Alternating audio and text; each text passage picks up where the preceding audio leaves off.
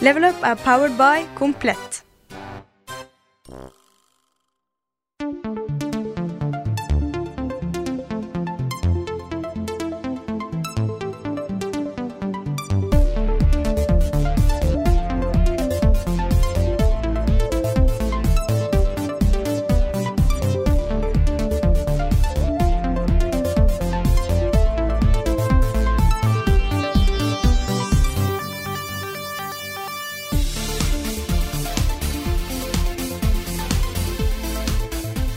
Velkommen alle sammen til en halvveis helaften om spill, som i hvert fall er bedre enn Pixels med Adam Sandler. Velkommen til Level Upcast. Her med meg har jeg som vanlig Rune Fjell Olsen, og jeg heter Karl Martin Oksnes. Det gjør du. Det gjør jeg. Mhm. Åssen er formen, Rune? Den er, jeg er sliten. Jeg er kjempesliten. Jeg kan ikke huske sist jeg var så sliten. Nei, det passer Og- bra, for jeg også er veldig Ikke trøtt sant? så det i dag. Og etter fire og et halvt år med små barn, eh, og jeg sier det, så husker jeg sikkert feil. Det var sikkert mer slitsomt i starten her. men, men jeg føler meg så sliten nå. Det er eh, har vært et par utmattende kvelder. Det har det. Skal vi si litt om hva vi har gjort de siste par kveldene? Ja, for det blir jo da på en måte Hva har vi spilt i de siste spalten, det også? Ja, for vi Eh. har ikke rekker å spilt noe annet enn dette her. Nei. Det er til gjengjeld så har vi spilt ganske mange forskjellige spill. Ja. Fordi eh, vi har jo sagt det tidligere i podkasten også, eh, men eh, nå vet vi at det kommer til å skje. 100, 100 sikkert. Duellen er tilbake i neste sesong. Av Mm. Det er Level den. Up. I en veldig ny form. Veldig ny form, og det var så gøy å spille inn dette her. Eh, men vi holdt jo på til langt på kveld, sånn halv type 11, halv 12. eh, to kvelder på rad. Mhm. Um, bare det å komme hjem og prøve å sove etter en sånn intens kveld med duellering, ikke så lett. Nei, for det er noe med at du har skuldrene over huet Ja. når, du, når du sitter der og kjemper om For det er jo en straff involvert, det er en premie involvert, Ja. og det er mye greier da, Ja. Mm. som, vi, som vi både vil og ikke vil. Og da blir det oppspilt stemning, kan man kanskje si. Veldig. Eh, og så har det da eh, tidligere, eh, alle de tidligere duellene, så har det jo vært du og jeg som duellerer mot hverandre. Denne gangen så er vi ti stykken. vi er på en måte nesten hele level up-familien. Ja, det er ikke langt unna. Nei. Eh, og det er da eh, to lag. Så det er Team Carl og Team Rune. Yes. med eh, fire eh, andre på, på hvert lag. Da. Hmm. Eh, og de som er med, er eh, Nå prøver jeg ikke å glemme noen, men eh, Lars og Nick, eh, Frida og Malin, eh, Audun, Johan, Bjørn og Svendsen. Svendsen. Hmm. Eh, og i tillegg til det så er eh, Benjamin, han som lagde den fantastiske eh, Little Nemo-klassikeren i forrige sesong, Stemmer. han er på kamera Mm. eh, og snakker en del, han også. Og ikke minst programleder for hele greia, for dette blir et slags sånn reality-konsept også. Ja, litt sånn der reality slash sånn der tournament. Mm. Sånn der, jeg føler at programlederen vår er en sånn der slags sånn boksedommer, liksom. Litt rann sånn, ja. Ja. Men det er da Hasse Hope. Hasse Hope Ja. fra VG og diverse ting, egentlig. Han har gjort masse rart. eh, programleder for eh, Karl Johan og Det var sånn, jeg, jeg har ikke sett så mye Karl Johan, men det jeg har sett er sånn skikkelig feel good-TV. Ja da. Veldig Eh, ålreit. Hasse er så flink, og han er så god til den type ting. Eh, og vi hadde jo ikke noe manus eller noen ting. Og det, alle de tingene han fant på i farta, utrolig imponert, altså. Ja, han Så- gjorde en fantastisk bra jobb, Ja, han på, gjorde eh, bare for å introdusere spilla, for å gjøre alt det han gjorde. Mm. Så, eh, Altså, Veldig det, det her er jo et Akkurat nå så er jo hele duellen og alt vi har gjort der, er jo et fullstendig kaos. Fordi det er jo så mange klipp eh, som vi må sette sammen til et eller annet. Som Ja. du må sette sammen som til et jeg eller må annet. sette sammen, Ja. sånn uavhengig av om jeg vinner eller taper, så, eh, så får jeg den. ja. Så det, det blir en jobb, Ja, det som blir det. sannsynligvis tar hele resten av tida før level up begynner. Eh, men jeg tror, det her blir, jeg tror det her blir kjempegøy, altså. Ja. Det var gøy å lage det, og det er morsomt at vi er tilbake med, med dette konseptet. Ja, det er, eh, jeg tror sånn eh, utenom E3-turer og sånne veldig svære ting vi har gjort, så er dette her noe av det morsomste jeg har gjort på jobb. Mm. Det var kjempegøy å samle gjengen og lage, Ja. noe sånn skikkelig, og lage en skikkelig produksjon med alle sammen. Mm. Det har vi ikke gjort før, så det er Nei. veldig gøy. Ja, det er utrolig morsomt. Eh, Og det er jo på en måte Alle de folka som er involvert med å lage dette programmet, her, er, det er så ålreite folk. Mm. Eh, og så er det å komme til noen nye som kanskje ikke kjenner de andre så godt. Så det å gi de muligheten da, til å bli kjent med, med oss andre, er jo også veldig hyggelig. Ja. eh, Og kjent med hverandre. Jeg føler liksom alle har gitt noe. Alle har gjort sitt Mm. for å gjøre dette her morsomt, da. gjøre det kult. Ja. Så jeg syns liksom alle har blitt en sånn egen Det er liksom en gjeng med sånne fargeklatter som eh, bidrar til å lage noe som forhåpentligvis blir morsomt å se på. Mm.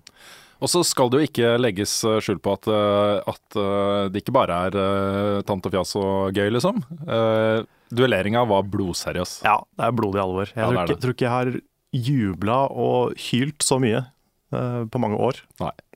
Spesielt under noen av Jeg skal kanskje ikke avsløre noen av spilla, Nei, det kan vi det kan vi vente med. Ja. Men eh, det er noen veldig kompetitive, veldig intense, spennende spill Mm. å se på og delta i, liksom. Ja. Så det var jo eh, veldig anspent stemning opptil flere ganger. Det De var kveldene det. Ja. Ehm, det er jo en stund siden vi har duellert, eh, og grunnen til at det er en stund siden vi har duellert, eh, er jo først og fremst at den straffen eh, fra forrige gang, og det er jo to, to år siden, er det ikke det? Ja, det er noe sånt. Ja. Eh, den var så forferdelig. Jeg, eh, det endte med at jeg måtte sitte i en eh, løgndetektor, og du stilte meg sånne spørsmål som f.eks.: Har du noen gang bæsja på deg i voksen alder? Ja, det hadde du jo.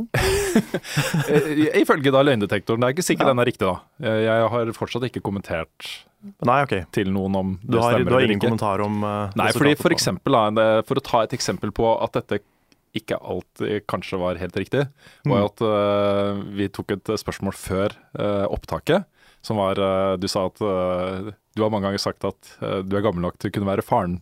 Faren min, sa du da. Mm. Eh, og det er jo riktig hvis jeg var 13 da jeg fikk deg. Ja, så det er, jo, det er jo ganske på kanten. Ganske på kanten. Men eh, så var det oppfølgingsforlengelsen den var. eh, hvis du hadde vært faren min, hadde du vært stolt av meg? Stemmer. Ja, og på oppvarminga, da han eh, løgndetektorfyren stilte de spørsmålene, så sa jeg ja, og han sa det var sant. Eh, På sendinga som kom ut til alle i Norge, så sa jeg ja, og så sa han det var løgn. Ja. Så, ikke sant? Jeg lurer så på hva det er som utløser de tinga der. Ja, han sa jo det at for å få mest Altså, nå tar vi kanskje litt bort fra Ja, men det nei, er det er litt såpass sånn lenge der, siden, så det er kanskje greit. Ja, Litt sånn behind the scenes-magien forsvinner her, men eh, Ja, det får, det får gå. Ja. Han sa at for å få best mulig resultat av løgndetektoren, så bør det samme spørsmålet stilles mange ganger. Um, og det er eh, Han sa jo også at liksom, de kan treffe riktig på første forsøk eller andre forsøk, eller også Ja. Men eh, best mulig resultat, samme spørsmål mange ganger. Og det gjorde vi jo ikke.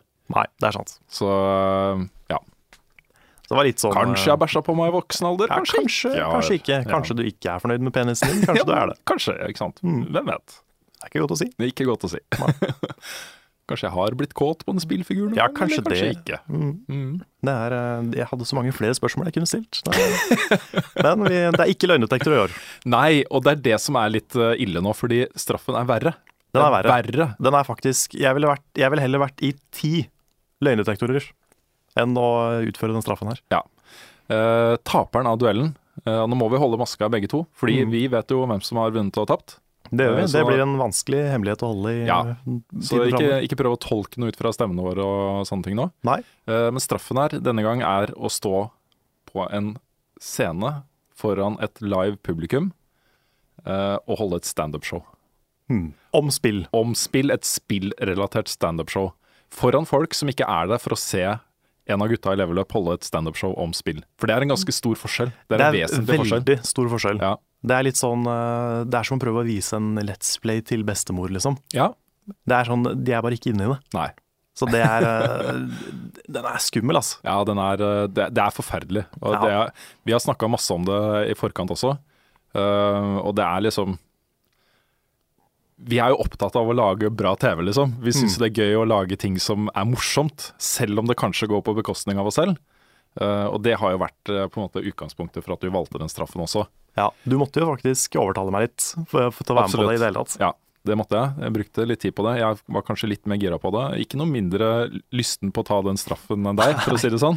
Nei. Men litt eh, Kanskje det er fordi jeg er litt eldre og tar meg selv litt mindre høytidelig, Carl? Ja, nei, men det er, det er ikke nødvendigvis det. Altså, jeg tror, tror jeg har tenkt litt på det, på hvorfor jeg syns det er så grusomt. Eh, jeg tror det er litt fordi før Level Up så var jeg i en, sånn der, eh, en liten sånn sketsjegruppe sammen med Bjørn, blant annet. Som vi kalte for Muffens Media. Hvor vi drev og lagde litt sånn, Det var jo ikke så morsomt, men vi følte at vi av og til prøvde å være litt morsomme. Ja, det var av og til veldig morsomt også. Kanskje et par hadde vi som var litt sånn decent. Men eh, det er litt det at jeg hadde en gang, da jeg var ung og dum, en drøm om å kanskje drive litt med sånn humorting. da. Mm. Så eh, kanskje det bidrar til at det er litt, sånn, litt mer sånn personlig nederlag å Ok. måtte stå på en scene og liksom bare drite meg ut. Skjønner.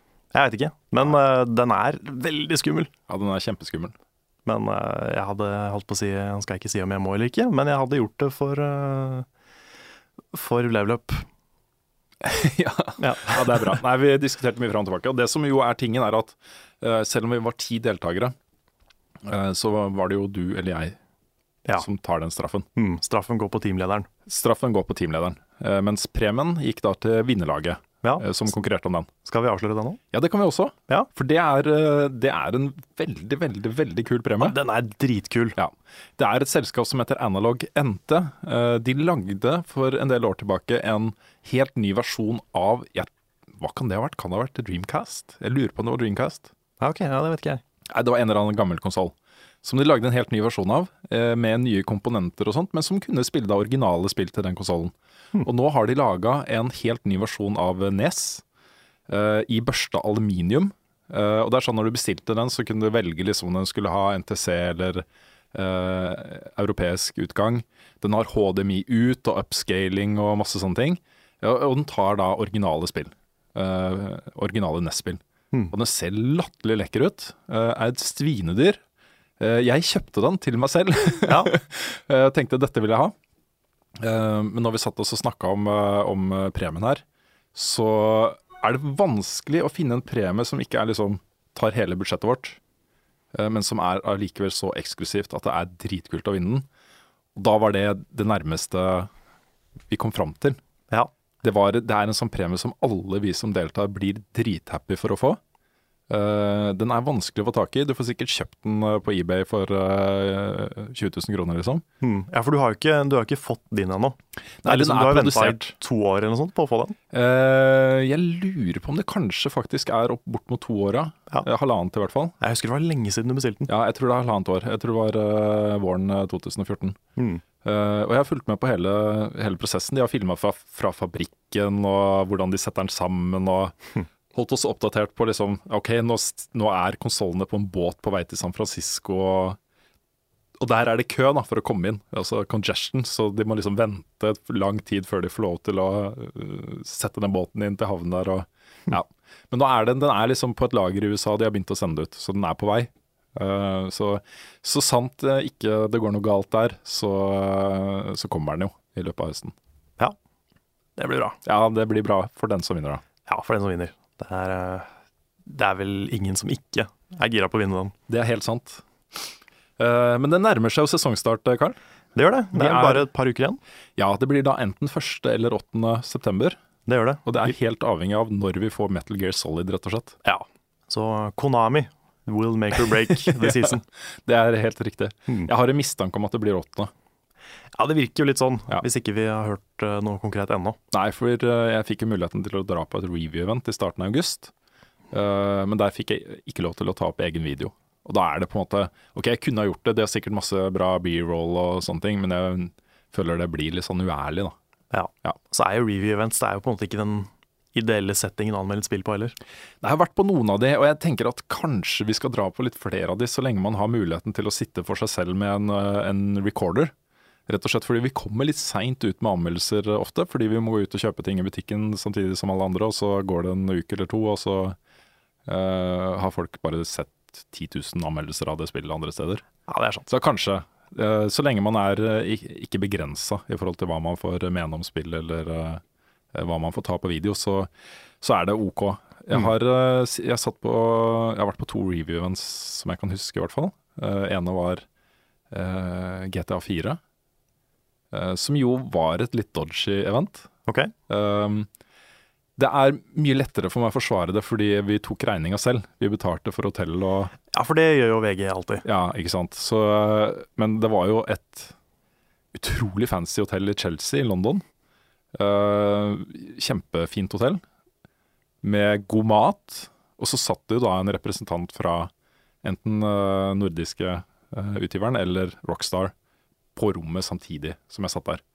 Og jeg er glad for at jeg var ganske erfaren da jeg satt og spilte der, fordi de kommer hele tiden med sånn Å, du må oppleve dette, og nudga, ja, ok. liksom. De nudga. Uff. Så, Sånn, det er veldig kleint. ja, og så er det jo litt eh, fishy, kan man kanskje si. da. Eh, noen vil kanskje tolke dette i den retningen av at For jeg ga det jo en sekser. Ja, men det var jo holdt på å si GTA 4 var jo et bra spill. Jeg syns det var helt fantastisk, og jeg står for det 100 fortsatt.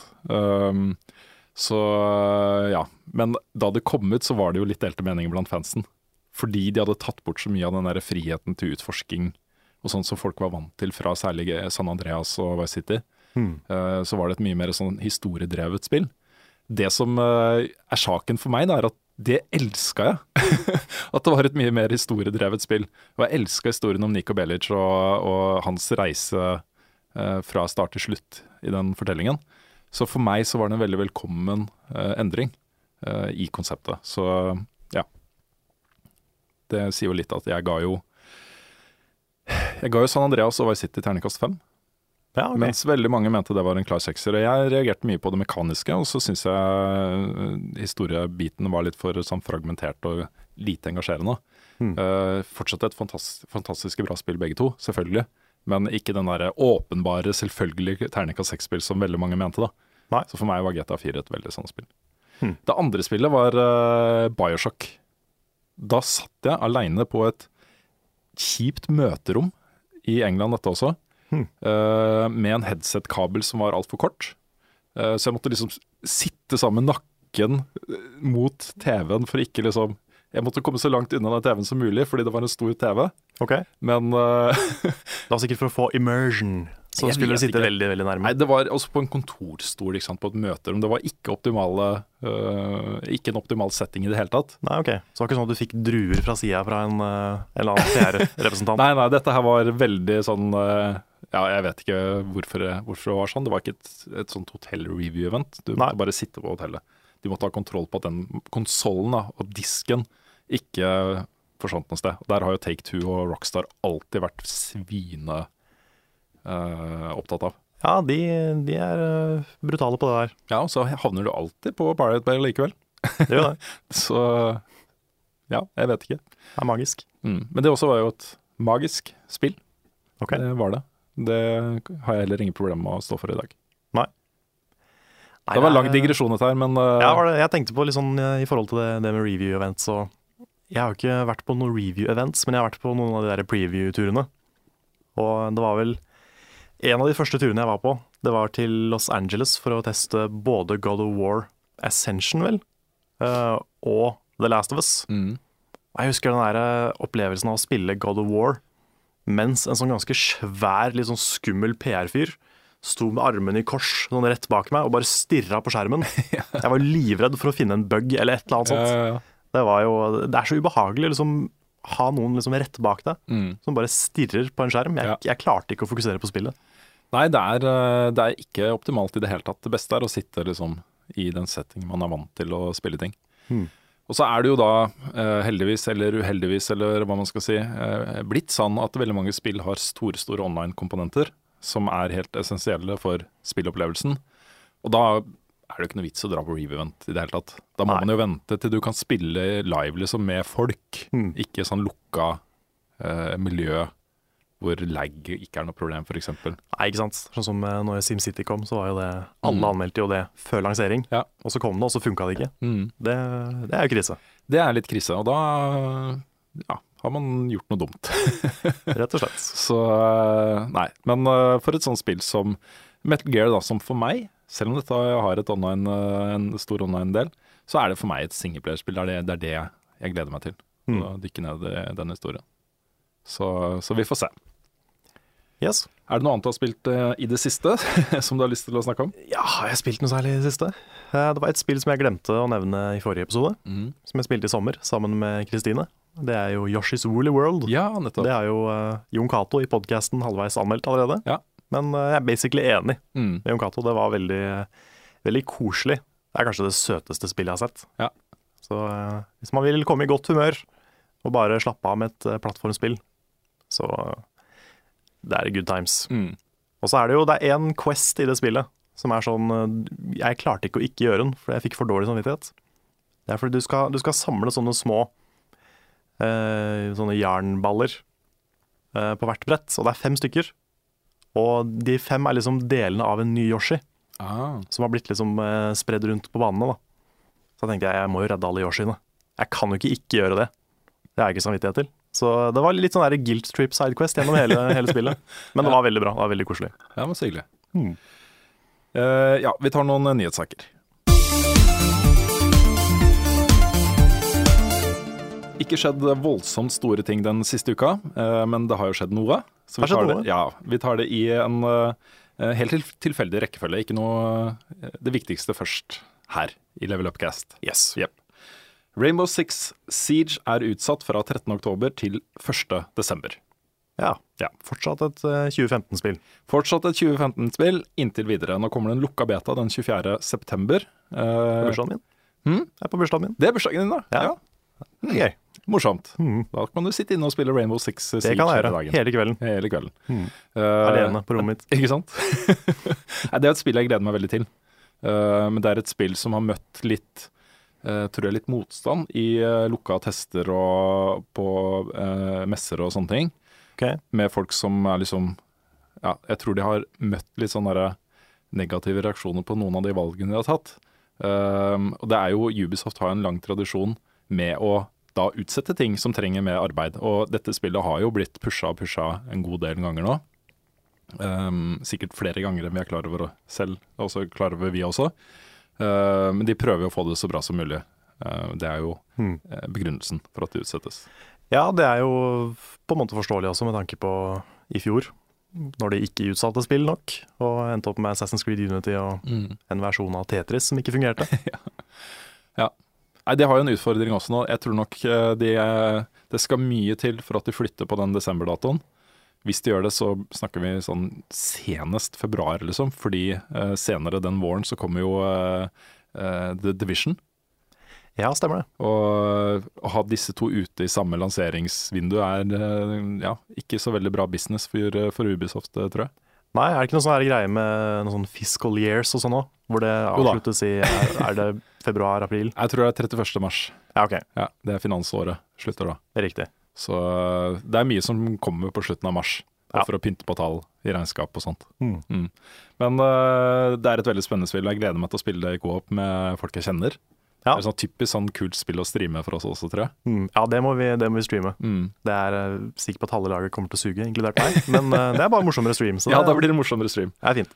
Ehm, det kommer jo en, øh, en samlepakke av Uncharted i høst. Det gjør Uncharted The Nathan Drake Collection. Yes. Det er de tre første Uncharted-spillene, de som kom på PS3. Nå er det annonsert at det kommer to nye vanskelighetsgrader til det spillet. Én easy mode, som er eh, Jeg jeg husker ikke om han heter easy mode, men det handler om folk som bare er interessert i historien. Så det blir veldig lett. Det er ikke vanskelig å komme seg gjennom. Eh, Og en ultra hardcore mode, som gjør det mye vanskeligere. Hmm. Så det er kult. Ja. Eh, Det får også en egen speedrun mode og et eget eh, fotomode. OK. Speedrun uncharted, er det stort? tror det er ganske stort. Vi snakka med en på spillquiz. Hun, øh, hun drev og speedrunna The Last of Us. Ja, The Last of Us. Det Ja. også er sånn her eh, Klarer ikke å se for meg hvordan man speedrunner, men, eh, Ja, men jeg gjør det. Jeg har drevet og speedrunna Resident Evil øh, i mine yngre dager. eh, OK. Og det var liksom d- Der var det jo ting du kunne oppnå øh, ved å runde det på en viss øh, tid, da. Under en viss tid. Hmm. Um, og det er på en måte Ja, det er noe der som er ganske gøy, da. Det å på en måte Ok, først spille det gjennom veldig seigt, og bruke lang tid på å komme deg gjennom bygning f.eks. Og så bli så god på det at du kan liksom bare pang, pang, pang, så er det gjennom. Hmm. Det er et eller annet der som er ganske fascinerende. Ja, ja, den ser jeg. Jeg har fulgt med på i hele sommeren, den der eh, Summer Games Done Quick. Mm, Der er det mye kult, altså. Ja. Det, er, eh, det er noen spill som er sånn her eh, Hæ, speedrunner du liksom Jeg husker ikke alt det rare som ble speedrunna, men det var mye rart, da. Mm. Og så var det noe som var sånn veldig kult å se på. Ja. Eh, Souls-spilla er jo fantastiske til speedruns. Mm. Eh, det var ikke Bloodborne i år, men eh, det regner jeg med kommer neste år. Har du ikke begynt å spille, spille Dark Souls på Twitch? Twitch plays eh, Jo, Dark Souls? Twitch plays Dark Souls, det er jo en katastrofe. Det går- Klarer man å komme seg gjennom det? Nei, det går jo ikke an.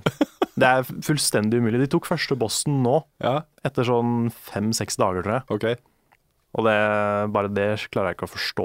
Ja. Hvis det er noen som hører på noe som ikke har hørt om dette før, så er det da snakk om eh, at noen sitter og spiller eh, Dark Souls, og så gjør de det som de i chatten sier de skal gjøre, er det ikke sånn? da? Jo, stemmer. Du, kan, eh, du kan velge commands med chatten. Ja.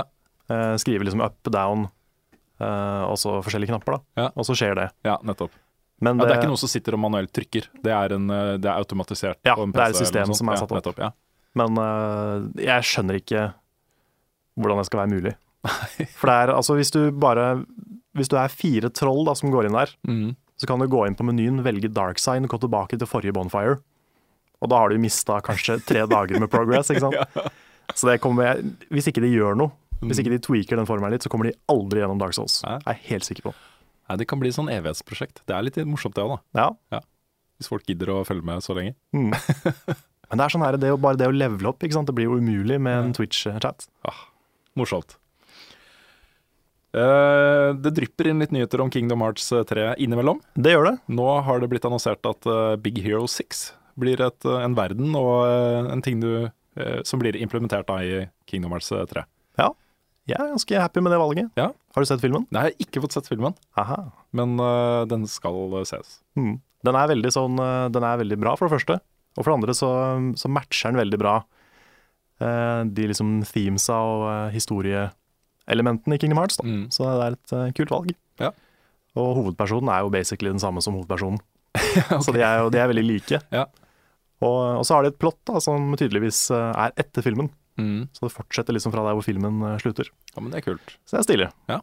Virker som de har noe kult på gang der. Mm. Jeg håper jo det kommer litt mer gamle Disney-filmer, for nå har vi jo hørt, hørt om Tangled og Big Hero 6. Ja. Og det er veldig moderne filmer. Jeg driver og ser masse Disney-filmer. og Ja. De er så bra, altså. De er det. Ja. I hvert fall, eh, ja, Mange av de har en sånn veldig spesiell skjerm. Mm. Eh, en film som, vi har sett, en- som jeg har sett en del med ungene nå, er eh, eh, ja, På norsk så heter den vel 'Bernhard og Bianca'. Ja, ja, ja. Den er så nydelig, altså. Fantastisk bra film. Ja, Den er veldig bra. Ja. Jeg så eh, 'Skjønnheten og udyret' med Kristine for ikke så lenge siden. Den også er veldig bra. Ja. Mm. Du merker jo at den er litt eldre nå enn den var da den kom, men den er veldig, veldig bra fortsatt. Litt eh, problem for meg er jo at jeg må jo se disse her på norsk. Ja. Og det er jo sånn som når man ser liksom to gode venner, f.eks., så, eh, så står det jo på rulleteksten der at eh, Kurt Russell har eh, stemme. Det er liksom store, store navn, ikke sant, som har stemmene, og så får man liksom ikke sett det. Kanskje jeg skal snike meg til å se det på engelsk eh, på kvelden. Mm. ja. Jeg må innrømme at jeg klarer ikke å se Jeg klarer ikke å se dubba filmer på norsk lenger. Vent til du får barn, eh, Carl. Ja, men da skal jeg bare lære dem engelsk. Da skal jeg, altså, vi ser ikke Disney på norsk. Jo, jeg må kanskje gjøre det. Ja, men, det eh, må nesten det.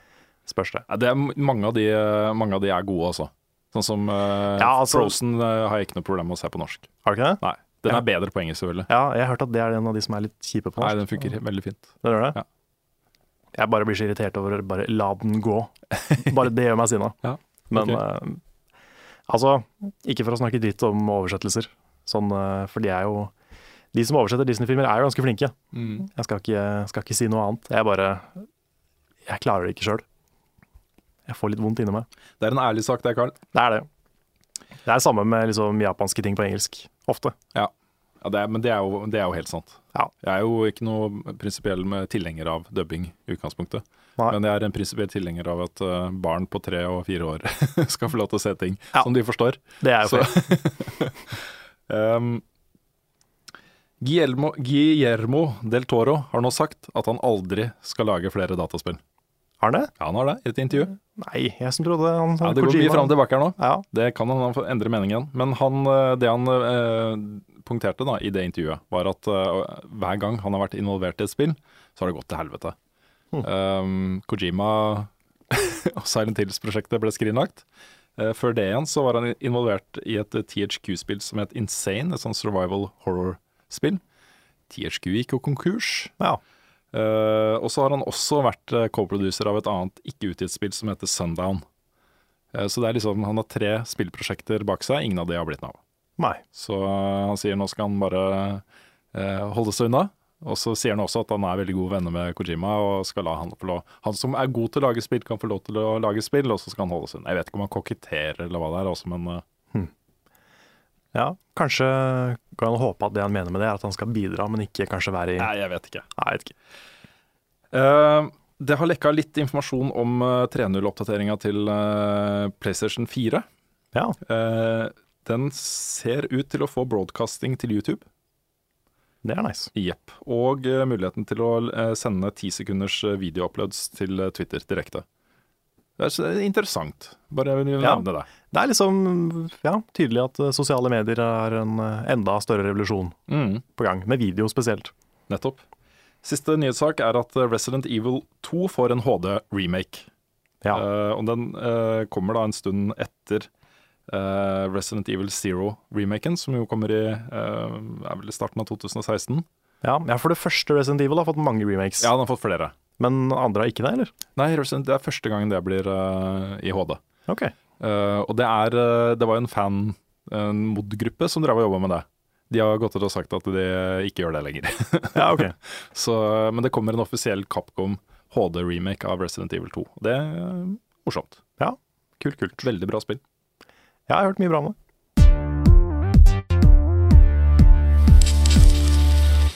Det har som vanlig kommet inn massevis av gode spørsmål fra dere som hører på podkasten vår. Så bra. Ja, det er kjempegøy. Da har vi, da har vi et program å lage. Ja, folk leverer, det er veldig bra. Ja, det er kjempefint. Fortsett med det. Hyggelig for oss. Vi kan jo ta et eh, spørsmål som vi kanskje syns er litt vondt å svare på begge to først. Ja, ok. Eh, Det er fra Jørgen Nyplass.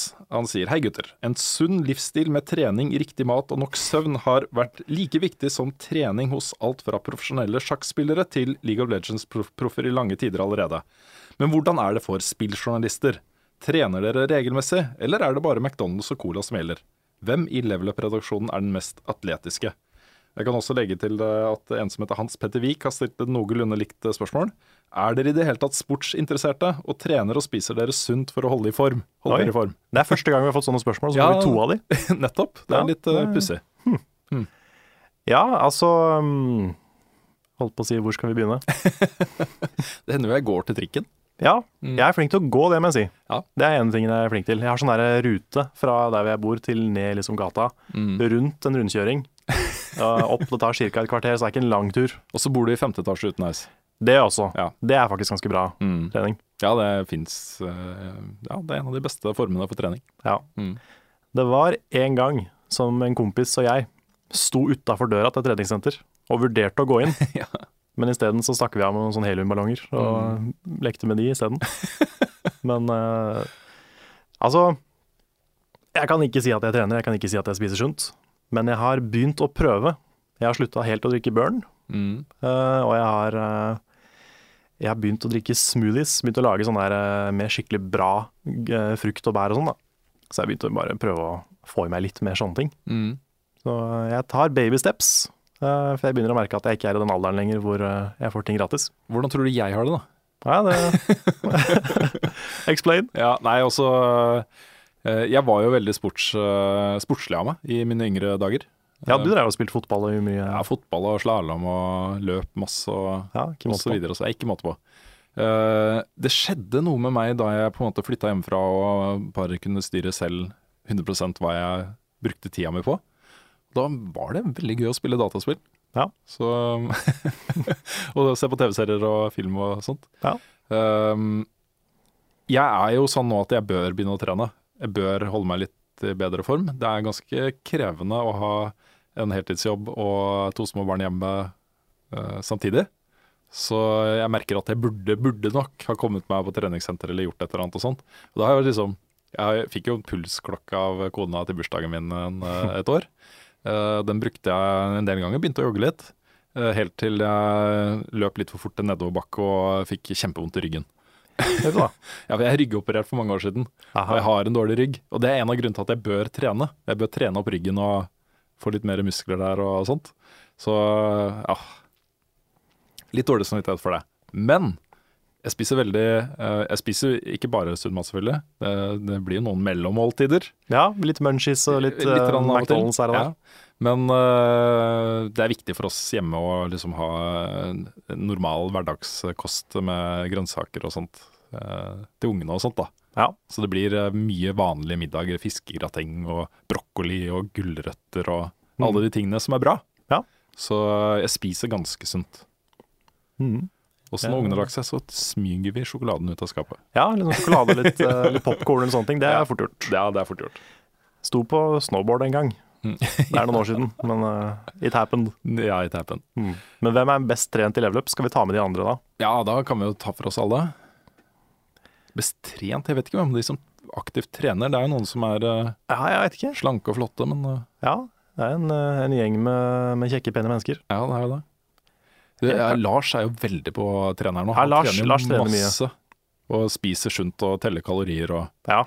Han driver og snakker om å dra på sånne langturer og Ja, mye greier. jeg lurer på om kanskje han eh, Kanskje Lars. Kanskje. Ja. Han er i hvert fall veldig opptatt av det. Ja. Og prøver å få oss til å bli det også. Litt, Ja, han ikke er, så eh, hardt, da. han er ikke noe sånn derre Han er, ikke den der, han er ikke den der irriterende vennen Nei. som kommer og uh, 'Kom igjen, jeg skal trene, gutta'. For da hadde jeg kanskje blitt mindre, mindre motivert. Ja, de kommer med sånn spydige kommentarer hvis man spiser en is Ja, og sånt. Han er ikke sånn, Han er ikke sånn. heldigvis. Nei, for sånn orker jeg ikke, ass. Mm, nei. Hvis jeg sitter der med en is og så bare ja, 'Er du klar over hvor mye du legger på den?' der, Det, det hadde jeg ikke. Eh, kan, jeg, kan jeg fortelle en eh, Er det innafor å fortelle en veganvits? Det er sikkert innafor. Mm. Der er det eh, noen som har et eh, illebefinnende på, eh, på et fly. Og så spør de da, over høyttalerne om, eh, om det er noen leger, leger på flyet. Og så kommer det fra en Nei, men jeg er veganer. Er det, mu- det er mulig jeg er veldig trøtt nå, jeg skjønte den ikke. Nei, det, er jo så, det er så mange veganere som er, har lyst til å fortelle at de er veganere. Å ja. I enhver eh, passende og upassende ja, sånn ja. Ja. ja. Jeg vet ikke, jeg har ikke noe mot veganere. Nei. Det er bare å være litt morsom. Jeg Den, vet ikke. eh, ja, men når du forklarte den, så skjønte jeg. Da var det morsom. Det var dårlig fortalt og sånt. ja ja. Nei, kanskje vi kutter den fra Ja, det er, jeg- jeg kan en ganske lignende vits om bergensere, men den er kanskje enda slemmere. ja, vi, vi går videre, Karl. Ja. Jeg, jeg, jeg tror kanskje jeg klipper den bort, jeg. Gjør du det? Jeg vet ikke. Jeg syns det er greit. Ja, ok, vi får se. vi får se. Ehm, det kom også et spørsmål her om eh, vi i det hele tatt er sportsinteresserte. Ja. Nei. altså, det er jo eh, Det er kanskje ekstremsport er jo litt morsomt å se på. Sånn type folk som er dritgode på snowboard, folk som gjør litt sånne kule sånn extreme rad ting. Eh, Sånne 90-talls eh, awesome ting. Men eh, ballsport har jeg aldri interessert meg for. Ever. På Jeg noe kan som se på helst. litt, jeg kan se på, men jeg, er, i- jeg følger ikke noen klubber eller noen sånne ting. Men uh, syns det er gøy å se på VM-kvaliker og eh, VM, EM. Ja. Ting, hvor det betyr noe. Og ikke nødvendigvis bare for å se Norge, men ba- bare for å se gode fotballag spille fotball. Syns jeg er morsomt. Mm. Jeg må innrømme, nå skal jeg være veldig vag, men eh, jeg fikk jo en liten åpenbaring i går. Når vi spilte et spill som inneholdt en ball. Og det var noe av det mest spennende jeg har sett noen gang. Mm, det var kjempespennende. Da sto det jo litt en del på spill også, Ja, det gjør det. men eh, da fikk jeg liksom litt den derre Å ja, kanskje det er dette her folk ser i fotball. Mm. Så ja. Jeg kom, litt, jeg kom et skritt nærmere å forstå det i går. Altså, jeg har jo konkurrert mye i både mm, individuelle ting og, og i lagsporter, og liker det veldig godt. Eh, og det er jo på en måte noe jeg har tatt med videre i eh, spillinteressen min også. Spilt mye eh, skytterspill eh, i klan og i ligaer og turneringer og, og sånne ting. Og det er den samme intensiteten rundt det å på en måte prestere noe, ha taktikker og eh, forberede seg mentalt og eh, være liksom på ballen da, i spillet. en eh, en eh, eh, ja, ikke en ball, men en figurativt, liksom. Mm. Um, det liker jeg veldig godt. Eh, og det er jo også noe man eh, får en følelse av når man ser på andre gjøre det. Så, så jeg er ikke noe Det er ikke det at jeg ikke er interessert i sport sånn per definisjon, men eh, det er egentlig bare det at eh, interessen min ligger litt andre steder, og det er grenser for hvor mye jeg klarer å engasjere meg i, i forskjellige sporter. Da. Ja, det er fair, det. Så jeg hadde nok vært mer sportsinteressert hvis jeg ikke hadde vært spillinteressert, tror jeg. Ja, kanskje. Mm. Det er jo eh, Jeg har jo sett mange liksom som har sammenligna det å være sportsinteressert med det å være skikkelig spillnerd. Og det er jo en litt sånn spennende sammenligning å Mm. gjøre der. Og eh, jeg har også sett noen som har sammenligna de som går med liksom fotballskjorta til favorittspilleren sin, med cosplay. Det er jo en form for cosplay. At det det er jo ikke, liksom, det er ikke en, g- en generell lagskjorte, det er ikke en fotballskjorte, det er jo en spesifikk spiller. Ja, men cosplay Ja, det, er jo, det er jo ikke direkte cosplay, men det er jo en slags Jeg føler det er noe der. Det da. handler, jeg, tror, jeg mener det handler mer om eh, at det går med liksom Half-Life 3 eller 2. Kanskje Ja. logo på det. Ja, men det er det at det er liksom ikke et lag, det er en spesifikk spiller. Ja, kanskje. Ja. Da er det mange som ikke ligner på Ronaldo i det hele tatt. ja, det er det. Det er mange dårlige Ronaldo-cosplays. Det er absolutt. Eh, nei, men Vi går videre til neste spørsmål. Um, og Det er fra eh, Joran Thomsen. Hva er det beste spilløyeblikket dere har hatt i sommer? I sommer. Hmm. Nei, det var jo veldig gøy å spille Yoshi med Kristine. Ja. Det har vært koselig. Um, Så ble jeg veldig happy når jeg klarte å runde Dark Souls. Det første. For første gang. Er vel kanskje de to. Mm. Hva med deg? Nei, det er, det er relatert til et spill jeg ikke får lov til å snakke om eh, lenger. Du får lov å Får jeg bare ja. nevne det kjapt? Ja. Jeg tar Flawless med Atle Anders, som har lagd eh, Destiny-podkast. Ja, ok, det, det klarte dere i sommer. ja, det- ja, men vi har klart det mange ganger nå, da. Men eh, første gang vi klarte det, og ja, ja, greit. Mange av de rundene som var innmari morsomme. Ja, nice. Jipp, jipp, jipp.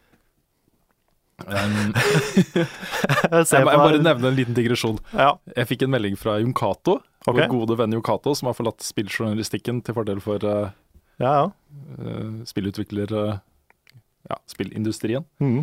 Eh, han sier at før da så hadde spill, måtte han jo spille så mange forskjellige spill i løpet av året, så han fikk ikke tid til å dedikere nok tid til eh, Destiny. Nei. Men nå har han bestemt seg for at det er det spillet hans som, som skal være hans spill. Oi. Så han, han ville ha noen tips. Såpass, ja. Mhm. Så han er, eh, han er gått over til den sida. He's back. Hmm. Simen Meisdal eh, lurer på hvor mye vi har spilt Mario Kart 64. Det er det spillet jeg har spilt mest, sier han. Ja. eh, jeg har jo spilt en del. Det var jo det store partyspillet veldig lenge. Så eh, jeg har spilt det mye. Jeg tror ikke det er favoritt-Mario Kart-spillet mitt. Eh, Jeg tror kanskje åtteren er over. Ja, det er mitt soleklare Mario Kart-favorittspill. Ehm, spilte det vanvittig mye. Det er Sannsynligvis i hvert fall det spillet jeg spilte mest på Nintendo 64, tror jeg. Eh, og det, var til, det er til det eneste spillet som jeg har spilt eh, sammen med foreldrene mine. Oi. Jeg tok det med hjem en jul og spilte eh, ja, med søstera mi og foreldrene mine. Hmm. Det var kjempegøy.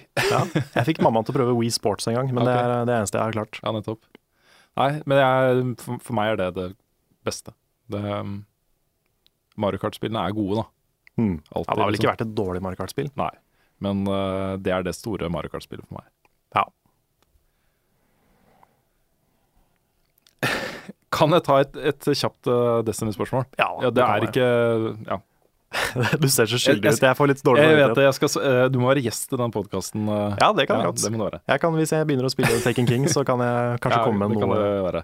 noe fornuftig. Men det er et godt spørsmål. Cato Skjørestad, eh, dilemma til meg. Kun spille Destiny resten av livet, eller aldri spilt igjen fra og med nå? Hmm. Det er et bra dilemma. Ja, Eh, da hadde jeg valgt aldri spilt igjen fra nå. ja du hadde det. Ja, ja, kan du ikke bare Altså, Nei, det hadde vært vanskelig å fortsette å jobbe som spilljournalist hvis du bare spilte Destiny. ja, bare det hele livet. Ja. Eh, nei, også eh, tra eh, tradisjonelt sett, erfaringsmessig, så har denne type lidenskaper som er utviklet for noen spill, noen få spill, eh, har en eh, løpstid. Altså den eh, har en eh, slutt et sted. Mm. på et eller annet tidspunkt så øh, blir man lei. Ja. Så ja, det er sant. Du hadde jo, du hadde jo Trackmania da jeg begynte i level up. jepp. Da var du veldig inne i det. Blodig øh, inni det. jeg var veldig hardcore inni Trackmania. Ja, Så var det jo eh, Trials en stund. Trials øh, også vanvittig involvert. øh, ikke da Fusion, men det forrige. Ja, Evolution, ja. Ja. Mm. Så øh, og før det igjen så har det vært Quake og øh, Half-Life øh, som jeg spilte mye av online. Og. Mm. Så øh, det er liksom ja. Jeg tror kanskje du får de enda litt oftere enn meg. For eh, jeg, har fått, jeg fikk jo Bloodborne nå, mm, og det, det er første gang på mange, mange år. Ja. At jeg har vært så hekta på et spill, og spilte liksom tre ganger det året det kom. Men det har jo på en måte Det er et mer lukka univers, da. Hvis det, Ja, hadde det vært- er det. Hvis det er et online skytespill, så eh, er det vanskeligere å se slutten på, på den. Ja, ja for det jeg, er- jeg er litt sånn forsiktig med å, sp- med å holdt på å si eh, Jeg er, jeg er vanskeligere for å bli hekta på et spill som ikke har en slutt, Mm. tror jeg. Jeg er litt sånn avhengig av den der eh, lukkende Ja. Mm. eh, greia på slutten. Nei, jeg tenker at jeg kommer til å få sånne kicks resten av livet Mm. på ting som jeg Det er deilig å dykke ned i sånt. eh, Ja, Jeg det satte er, jo, på det er jo det. Det er en veldig god følelse å finne et sånt spill, Mm. og bare virkelig kunne slappe av og kose seg med det. Men vi har fått et eh, dilemma til, Ok, eh, som er veldig morsomt. eh, fra Sander Stein. Dilemmaet er eh, Du har hørt den der eh, push to button-greia, dilemmasaken på internett? Hvor du Ja, får satt mulig. to ting opp mot hverandre, og så er det sånn Du, må- du kan få det til å skje, for å trykke på knappen, da må du trykke på knappen. da. Og så er det Ok. statistikk på hvor mange som har trykka på knappen. Og, Jaha, ok. Nei, det er et eller annet sånt. Dilemmaet er Half-Life 3 blir lansert, men det blir eksklusivt på Xbox One. Oi. Will you push the button? Nei, jeg ville ikke gjort det. Nei, Det så er, du, eh, du, vil- hvis det hadde kommet bare på Xbox One, så ville du ikke spilt det. Ja, Det er det som er eh, dilemmaet? Ja. Ja, ok, så det er ikke at du, du bestemmer at det skal lanseres. Eh, den eneste måten man får se Half-Life 3 på, er at det bare blir lansert på Xbox One. Altså, da vil jeg heller ha det enn å ikke ha det, på en måte. Ja. Men eh, hvis det er liksom nå versus å vente til det skulle komme på alt annet, så jeg er så lite glad i konsoll-exclusives, da. Jeg synes det er, så, det er så synd for alle de som ikke får spilt det. Ja, men det, blir, det, har en, det har en god eh, link til noe som skjer senere i år, hvor eh, Rise of the Tomb Raider kommer jo på Eh, eh, Xbox One og PC. Ja, i hvert fall etter hvert. Eh, men det kommer jo ikke da på PlayStation 4 før ett år etterpå, så neste høst. Mm. Så den eh, tidseksklusiviteten her var mye lengre enn man hadde trodd på forhånd. Da. Ja. Eh, og det er jo ikke bra, men Jesus Christ, selvfølgelig kommer jeg til å spille Rise of the Tomb Raider. Mm. Og selvfølgelig hadde jeg spilt Half-Life 3 hvis det hadde bare kommet på Xbox One. Ja. Men jeg hadde ikke vært glad for det. Nei. Det er noe med Jeg hadde hitta med nevene hele tiden hvis jeg hadde spilt det. Mm. Ja, hadde en bitter ettersmak. Det er noe vi har snakka om dette her før, men eh, det er litt forskjell på spill som blir utvikla inhouse. Sånn som eh, si Bayonetta 2 på Wii U hadde jo ikke eksistert hvis ikke det var for at Nintendo greip inn. Da er det greit at det er eksklusivt, men eh, sånn som Rise of the Tomb Raider, da, hvor de har kjøpt en eksklusivitetsavtale, Mm. det er litt surere. Ja. Det, det er bitrere å svelge den, liksom. Ja, fordi det er det, Problemet der er jo at øh, mange ble jo veldig glad i uh, Tomb Raider, det forrige Tomb Raider, rebooten. Og det å på en måte kreve av de at de enten da må vente et år, eller gå ut og kjøpe seg en Xbox One for å spille oppfølgeren, er litt lompent. Mm. Det er ikke kult gjort, på en måte. Nei, det, er en sånn der, eh, det blir en sånn der ekkel konsollkrig eh, ut av det. Mm. Men, øh, men det er på en måte Allikevel så er det sånn at det er spillet som betyr noe, i hvert fall for oss som skal mene noe om det spillet. Så øh, får vi liksom separere de to diskusjonene. Mm. Eh, Det er jo et øh, verk, dette her. Det er jo et øh, studio som har lagd dette spillet, og som har lagt sjela si i det, kanskje, eller kanskje ikke, hvem vet. Eh, Og det skal vurderes. Ja. Eh, Og da føler jeg at det blir feil å trekke for at Ja, ja, ja. de har inngått. Ja, det, sant? det syns jeg òg. Man må jo dømme spillet på spillet. Så eh, det er fullt mulig for meg å ha en fantastisk opplevelse med et spill som er eksklusivt, Mm. eh, selv om jeg mener at det ikke burde være det. Ja. Mm. Eh, Johan Martin Seland lurer på om vi kommer til å legge ut streams på YouTube. Han sier han bor i Nepal, eh, hvor det er særdeles dårlig internett, så streaming blir umulig. Ja, da er én serie Nepal. En serie i Nepal, og eh, det skjedde jo forferdelige ting der tidligere, så Det gjorde det. eh, det, Der støtta jeg faktisk en aksjon i Destiny for det. ja, Nepal ja, stemmer det. Relief Det var, sånn, det var en sånn Destiny eh, Jepp. Jeg skal ikke se. F, Nå har vi snakka veldig mye nesten i kveld. Sorry. Nei, det er greit. Det er, det er jo, vi må jo feire at du har fått en ny, en ny podkast. Fått en ny podkast, skal nevne litt mer detaljer om hvor man finner den på slutten. For det er jo en Ja. level up-podkast. Det er jo det.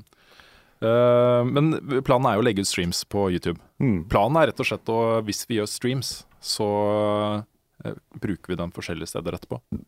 Ja, vi kommer til å fortsette med sånne um, stream recaps som vi har hatt eh, tidligere.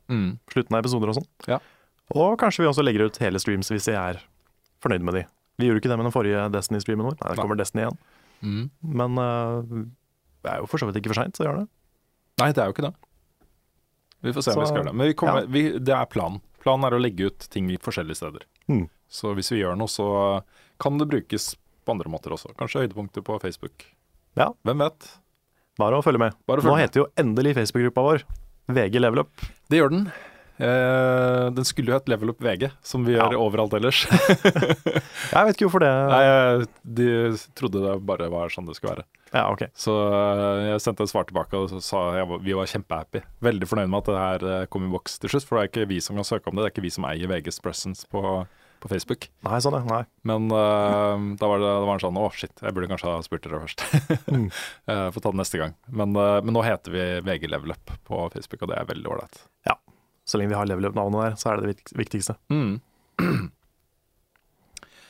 Eh, vi får eh, spørsmål fra Trond Borgersen denne gangen også. Ok? Mm. Eh, en av arrangørene av Retrospillmessen i Sandfjord, som er neste helg.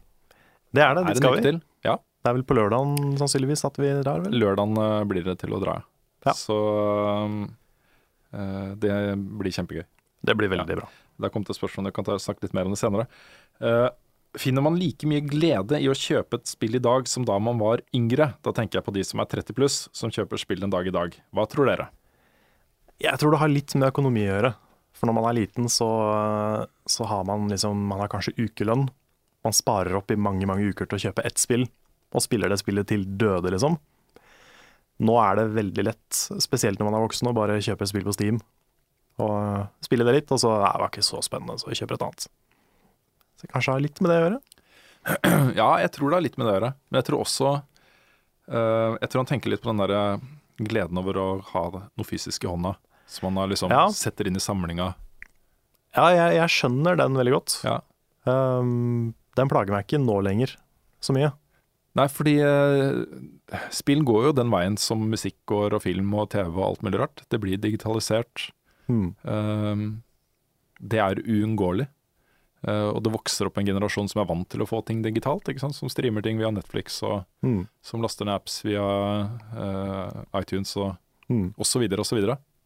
Ja. ja, det er litt sånn som jeg tenker på Jeg blir jo supergira når det kommer en ny episode av Game of Thrones, f.eks. Mm. Jeg er ikke avhengig av å ha den der eh, Blu-ray-boksen i handa for å kunne sette pris på det. Nei, jeg er litt sånn et bein i begge, fordi jeg merker med meg selv at jeg blåser i egentlig som om jeg ser det på en Blu-ray-boks, eller om jeg har streama det fra en eller annen tjeneste. Hmm. Eh, men jeg går ofte ut og kjøper boksen etterpå, sånn som Breaking Bad. Som Ja. ja, det gjør jeg også, for Mm. Bare å ha det å det ha liksom den i der. samlinga. Jeg har den der, den, den er der, jeg kan se på den, den er fysisk, det er, det er digg.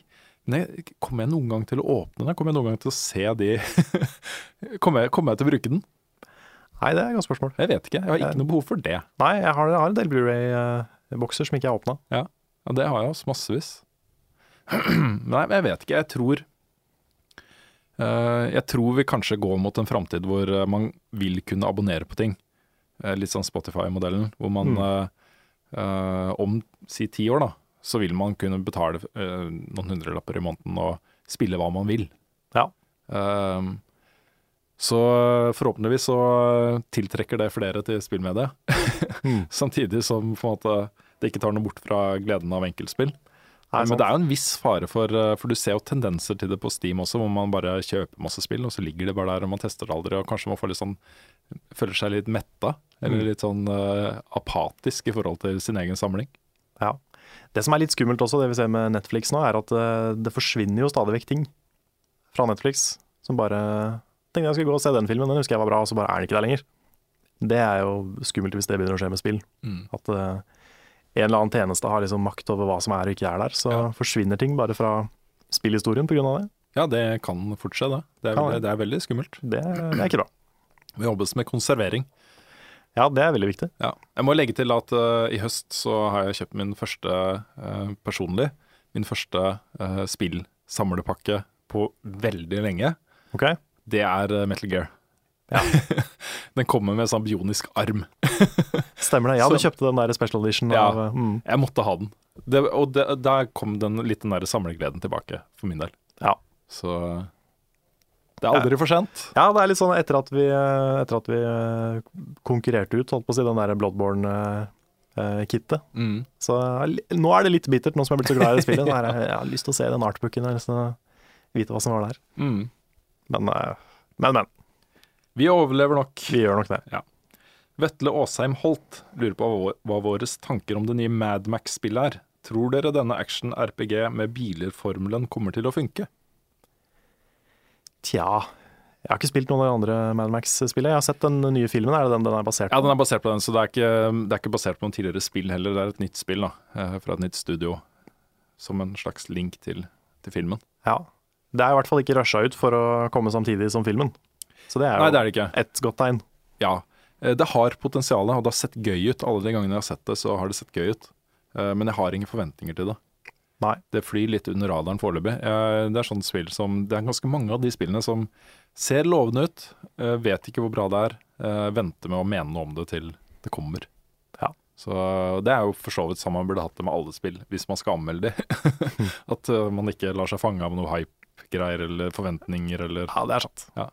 så, men det, det ser lovende ut. Det ser ikke ut Og så det ser ut som det eh, kan bli noe annet enn et drittspill. Mm. Det er fint. Det er fint. Det er en fordel. Fredrik Sæther, som jeg fortsatt husker fordi han lagde et av de beste forslagene til eh, vår nye vignettlåt. Ja, stemmer. Ja, eh, den hørte jeg på her om dagen eh, senest, faktisk. Mm. Så, ja. Eh, men han lurer på om vi kan kjøre Trackmania-konkurranse på livestream. Carl og Rune versus seerne. Oh, Det er et godt forslag, det er et veldig godt forslag. Uh. ja, og det kommer jo et nytt Trackmania i desember. Det gjør det. Det er Så- en kul ting å gjøre før jul. Ja. Det er, nå Som en sånn suger jo jeg juleavslutning. Trackmania i forhold til deg, men likevel. Så. Nei, men hvis vi spiller sammen, så blir det gøy, tror jeg. Ja. Nei, for jeg- den, eh, den gleder jeg meg til, altså. Mm. Skikkelig. Ja, det så, det så Jeg har jo ikke spilt Trackmania nesten, men det så dritkult ut. Ja, det var Eh, nye på- miljøer, og så var det, var det en ny versjon av eh, Stadium som er min favoritt. da. Så eh, jeg tror det kan bli et kult spill. altså. Mm. Trackmania Turbo heter det. Ja, det var jo noe av det kuleste på eh, Ubisoft-booten. Uten tvil, uten tvil.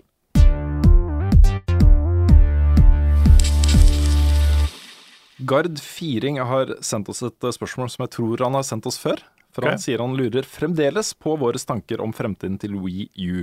Og kommer Selda til Wii U. Ja. Um, Vi har snakka litt grann om dette i tidligere podkaster også. vi har det. Eh, Det er egentlig det er litt vanskelig å på en måte mene noe konkret om fremtiden til Wii U. Men jeg har jo en mening, som jeg har sagt før også. Mm. Og det er jo at det føles som om Nintendo på en måte nå gradvis avvikler den. eh, Ja. Og forbereder seg på en ny konsoll. Ja, det, det er jo veldig sannsynlig at uh, Zelda på Wii U i hvert fall, i hvert fall kommer til den nye også. Eh, men det er vel kanskje sannsynlig at den bare kommer til den nye, hvis det fortsetter som det har gjort nå. For det er jo, det er jo så å si ingenting som kommer nå før eh, Det er jo Xenoblade. Er det det eneste som kommer til Wii U nå før jul? Som er spennende, liksom. Eh, Ja, du har Mario Maker. Mario Maker, selvfølgelig. Ja. Det, er, det blir jo veldig bra. Men det er vel, hvis ikke jeg glemmer noe nå, så er det vel de to. Ja, eh, jeg, jeg tipper at det kommer en announcement nå ganske snart. Med en lanseringsdato på Nintendo NX, den nye konsollen. Mm. Som sannsynligvis ikke heter NX. Nei, det vil jeg ikke tro. Men, eh, men da begynner liksom hypetoget for den isteden. Mm. eh, med forberedelser og annonseringer av nye titler og Ja. sånne ting. Og det virker jo som om eh, ting de har hatt planer om å lansere på EU, eh, blir holdt tilbake. Fordi eh, det kunne jo ha kommet mer eh, store ting til Wii U, som eh, Mm. Ja, Star Fox for så vidt eh, kommer vel også i år. Ja, det gjør det vel, tror jeg. Mm. Mm.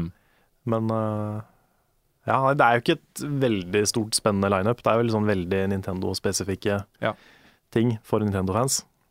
Eh, Mario Maker har jo sikkert en ganske generell appeal. Ja, den kan få, en, få et ganske langt liv, hvis det er bra. Det er jo, folk har jo modda Mario-spill i alle år, så der er det definitivt en, eh, et marked.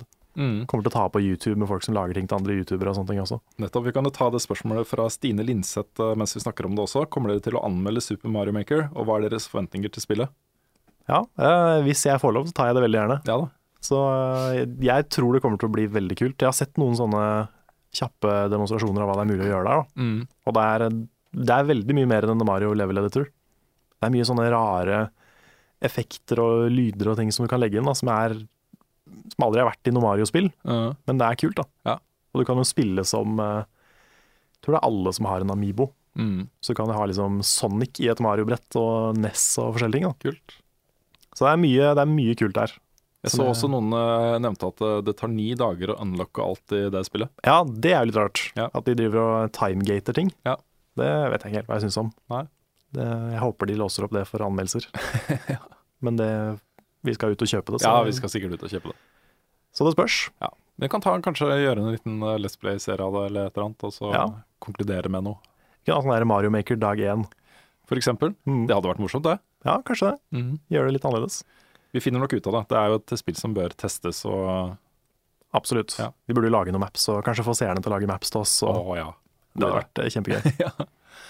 Nei, men eh, for Det å- hadde vært en bra stream ja, det, hvis hadde vi det. streama maps fra seerne. det er kult. Det hadde vært kult. Det hadde vært kjempekult. Den uh, spikrer vi. Ja, det må vi gjøre. Nei, også eh, for å gå- bare konkludere litt på, på WiiU-fremtiden, så eh, er det jo sånn at det er en god konsoll. Eh, det Ja. mener jo både du og jeg. Det har kommet mye bra spill til den, og Mm. det er en konsoll det er verdt å kjøpe. Men eh, Definitivt. den har jo ikke slått så an som eh, Nintendo hadde uh, håpa. Nei, jeg har tenkt litt på det. det er, eh, Wii U er liksom Den går inn rekka til liksom Nintendo 64 og GameCube. som har, eh, har et lite bibliotek, men veldig mange bra spill. Mm. Eh, mens Wii, som var liksom den store superkonsollen til Nintendo, har jo veldig mange spill, men også veldig mye dårlig. Ja da. Så det er liksom det ene eller det andre. Ja, men det blir jo litt sånn også. Eh, hvis eh, en konsoll har veldig mange eiere, så vil jo mange gi ut spill til den. Ja, det er sant. Hvis den har få eiere, så trenger man et visst antall eh, solgte eksemplarer for at det lønner seg. Mm, Så da er man mer restriktiv på, på hva man gir ut. Ja. Mm. det er sant. Et spørsmål fra Henning Hillesland, som jeg ikke tror eh, appellerer så veldig til deg, Carl, men eh, Ok. når han sendte det, så ble jeg litt gira. Jaha. Dere må se den i Maiden-musikkvideoen. Og da Maiden er da Iron Maiden, Carl. Ja, ja, altså jeg skjønte det. da. Ja, du skjønte det? Ja, da. Eh, den heter Speed of Light, den låta, og eh, den er veldig spillrelatert. Eh, han eh, Eddie, da, som er maskotten til Iron Maiden, eh, spiller liksom i forskjellige spill. Fra liksom 8-bit og opp til eh, moderne førstepersons skytespill. Det var kult å se liksom Eddie i en sånn eh, setting. ja, det må jeg se. Mm, ja, du må se den. Den var mm, mer eh, sånn morsom enn sånn veldig ha-ha. Ok, ja. Ja. Så eh, um, ja men det er, jo, jeg, det er jo egentlig litt min eh, musikksjanger, jeg bare er veldig lite educated på det. Mm. Så jeg har eh, fått med meg lite av det som er bra. Ja, nei, det er eh, Ja. Låta um, syns jeg ikke var så Nei, ok, Klassisk Maiden er mye bedre. jeg skjønner. Men eh, ja, ja. Ole Henrik lurer på ute og sole seg eller sitte inne og spille. Inn og spille. Inn og spille. Samme her. Ole Andreas Egeland Rørvik, hva syns dere om Disney-filmen Wreck-It Ralph? Syns den er kjempebra selv. Jeg er veldig glad i den. Jeg også likte den kjempegodt. Det var, eh, jeg så den på flyet hjem fra min første USA-tur Mm. med jobben, og eh, jeg måtte, jeg måtte anstrenge meg for ikke å begynne å grine på slutten. Mm. Så det, var, det hadde vært litt flaut å sitte der og grine ved siden av en fremmed på flyet, Ja, ja. så jeg holdt meg tilbake. Men det var, eh, det var, jeg syns slutten er veldig fin, ja, den er kjempefin. og den er veldig bra. Ikke fordi den er en film om spill, men eh, den eh, Helt uten det også, så er den veldig veldig fin. Ja, altså den, eh, den tar eh, Altså den føles ikke som sånn påtatt 'nå skal vi snakke til gamere'. type Nei, ting. ikke i det hele tatt. Eh, Det føles som dette kommer fra hjertet, Hmm. og derfor så likte jeg den også veldig godt. Um, Amandus Furvoll lurer på hva vi gleder oss mest til på Retrospillmessen 2015. Ja, jeg gleder meg til å se Brentalfloss eh, live. Han skal jo ha en liten minikonsert, og eh, mulig vi får et intervju med han. Håper det. Ja da, det gjør vi sikkert. Han er jo han har jeg fulgt med på siden han eh, begynte, egentlig. Ja. Å lage sånne fleipete spillmusikk-ting. Han har, har du hørt noe på Nei, jeg har ikke det. For han har, han har mange morsomme sanger, altså. Mm. Og noen litt sånn fine sanger. Har en Earthbound-sang som er veldig, sånn her, eh, veldig koselig. Ja. Og eh, han er jeg veldig fan av, så det blir kult. Og så vil jeg kjøpe noen spill. Jeg kjøpte jo en Sega Mega Drive der i fjor, så nå skal jeg bare hamstre spill, tenkte jeg. Mm. Jeg hadde jo tenkt å um, eh, kjøpe en del spill, jeg også, faktisk. For Ja. jeg kjøpte jo en eh, SNES Mm. for en stund siden. Som jeg er på jakt etter eh, spill til. Ja, så bra. Så det er min plan. Nice. Ellers så gleder jeg meg. Vi skal jo ha et eller annet opplegg der, vi vet ikke helt hva ennå. Men eh, vi fin- finner vel ut av det snart. Ja, noen sånn type Q&A-panel, kanskje? Kanskje noe sånt. Ja. For det er alltid morsomt. Det er veldig gøy. Ja. Alt som er liksom hvor vi får med eh, seerne, er veldig gøy, altså. Ja, helt enig. Et spørsmål fra David Pollen Stavik. Gran Turismo eller Forza? Jeg har ikke spilt s- noen av de. Bil- Jeg spiller veldig, veldig lite bilspill, Ja da. så eh, det er nok ikke helt kvalifisert til å svare. Jeg har spilt begge de to ekstremt mye. Veldig, veldig mye. Um, så mye at, uh, at jeg ble veldig metta på den sjangeren, egentlig. Um, det er fortsatt lett for meg å på en måte vurdere de spillene, men de treffer meg ikke like sånn inn i hjerterota som de gjorde før. Nei. Og det er ikke noe tvil om at uh, min kjærlighet til dette starta med Gran Turismo, uh, og så gikk det nok litt over til Forza etter hvert, fordi den var det er elementer i Gran Turismo som jeg syns er boring, skikkelig boring. Eh, og du må spille det så utrolig mye før du liksom begynner å få tilgang til alt som er gøy. da. Hmm. Eh, og så var det da i tillegg eh, disse mikrotransaksjonene som kom eh, i siste utgave. Ja, stemmer det. Var det Gran Turismo som hadde de verste av de? Ja, Forza var ikke så aller verste der, eh, de heller, eh, så vidt jeg husker, da. Nei, Eh, Nei det var mulig det var Mulig. flere sånne controversies der. ja, eh, det er mulig jeg blander litt og husker litt feil nå, men eh, da ble jeg i hvert fall ikke interessert. Nei. Så, men det er, jeg er glad i, i, i spill som gir meg følelsen, også sånn god bil- og veifølelse. Eh, ikke at det skal føles ekte, for det gjør jo ikke det. Du sitter jo i en stol, liksom. Og så, du kjører jo ikke en bil. Eh, du styrer en bil på skjermen.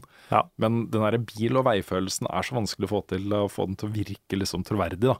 Mm. Så når man, eh, å spille den type spill syns jeg er kjempegøy. Er, det, er det de to seriene som er liksom fortsatt kongene av bilspill, eller er det andre ting som har kommet også? Ja, for, eh, for det eh, store massene så er det jo det. Men det har jo kommet eh, eh, Hva er det nå heter det Jeg syns det kom så mye plutselig. Ja. Sånn Drive Club og den der, eh, The Crew og alt det der. Ja, og så er det ett til som jeg Pokkeren, altså. Nå er, jeg- har jeg bare en sånn brain fart på, på akkurat den. Ja. Men det er jo spill som vi burde ha anmeldt, som kom i tidligere år. Og ja, Project eh, Cars. Project Car, selvfølgelig. Ja. Ehm, og på den annen side så har du enda mer sånn hardcore simulasjoner som Live for Speed og eh, den type spill. Mm. Så det fins jo massevis av konkurrenter der. Eh, Forza og Gran Turismo er jo de mest påkosta og, og svære spillene, liksom. Eh, Men eh, det fins alternativer som er gode. Og særlig Project Cars tror jeg har liksom en veldig interessant fremtid. Da. Så det er nok et spill som vi bør følge litt grann med på. Mm. Siste spørsmål for denne gangen OK, nå er det vanskeligste spørsmålet. er jeg spent. Kanskje. OK, ja. Ole Magnus Nord Johansen, hva er lykke for dere? Mm. Oi. Ja, den var dyp. Ehm, eh, ja, har du lyst til å begynne? ja, det kan jeg godt. Det er, jeg, jeg er eh, Jeg er ikke så eh, kravstor der, liksom. Eh, men eh, nå, akkurat nå, da, i den livssituasjonen jeg er i nå, så er det eh, Ting jeg blir liksom mest lykkelig av, er diametralt motsatt av hverandre.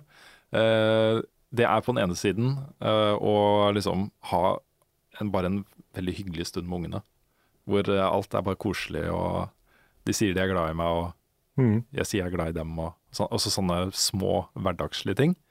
Ehm, men det er nok av de andre øyeblikkene med ungene også til at, eh, at den andre siden der er å ha tid for meg selv.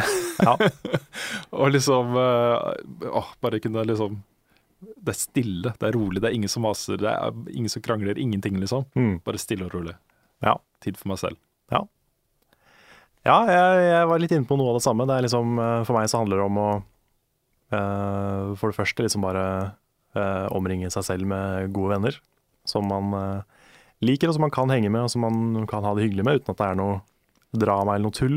Og bare liksom chille, ha det, ta det rolig. Kanskje ha noe god mat, noe godis og noe på bordet. Bare slappe av, ha det, ha det hyggelig med folk. Og kanskje dagen etter bare være helt aleine, være fullstendig at peace med seg sjøl Mm. og bare ha det, ha det fint. Ja, det er sant. Mm. Og så er det mye lyk lykke i en god hamburger. Ja, det òg. Det er sånne små påfyll med, Ja. med lykke. Det er det. Mm. Et bra spill. Ja. Så må jeg selvfølgelig si en, eh, en veldig koselig eh, kveld med lange samtaler med kjæresten, f.eks. Det er veldig, veldig koselig. Mm. Så, sånne ting. Ja. Mm. Det fins andre ting i livet enn eh, spill. Det gjør det. Ja. Ja, vi snakka faktisk veldig lite om spill nå, så Ja, det gjør vi. Mm, nevnte vi spill i det hele tatt. Jeg vet ikke. Jeg gjorde det. Jeg gjorde det. Ja, du gjorde det. Ja. Altså, en kveld hvor jeg er litt sånn, litt sånn forsynt med sosiale ting. Bare sitte aleine og spille et spill jeg liker. Mm. Ja. Det er jo kjempebra. Mm. Faktisk det som eh, Bare for å legge til en ting på, på det å få tid for seg selv.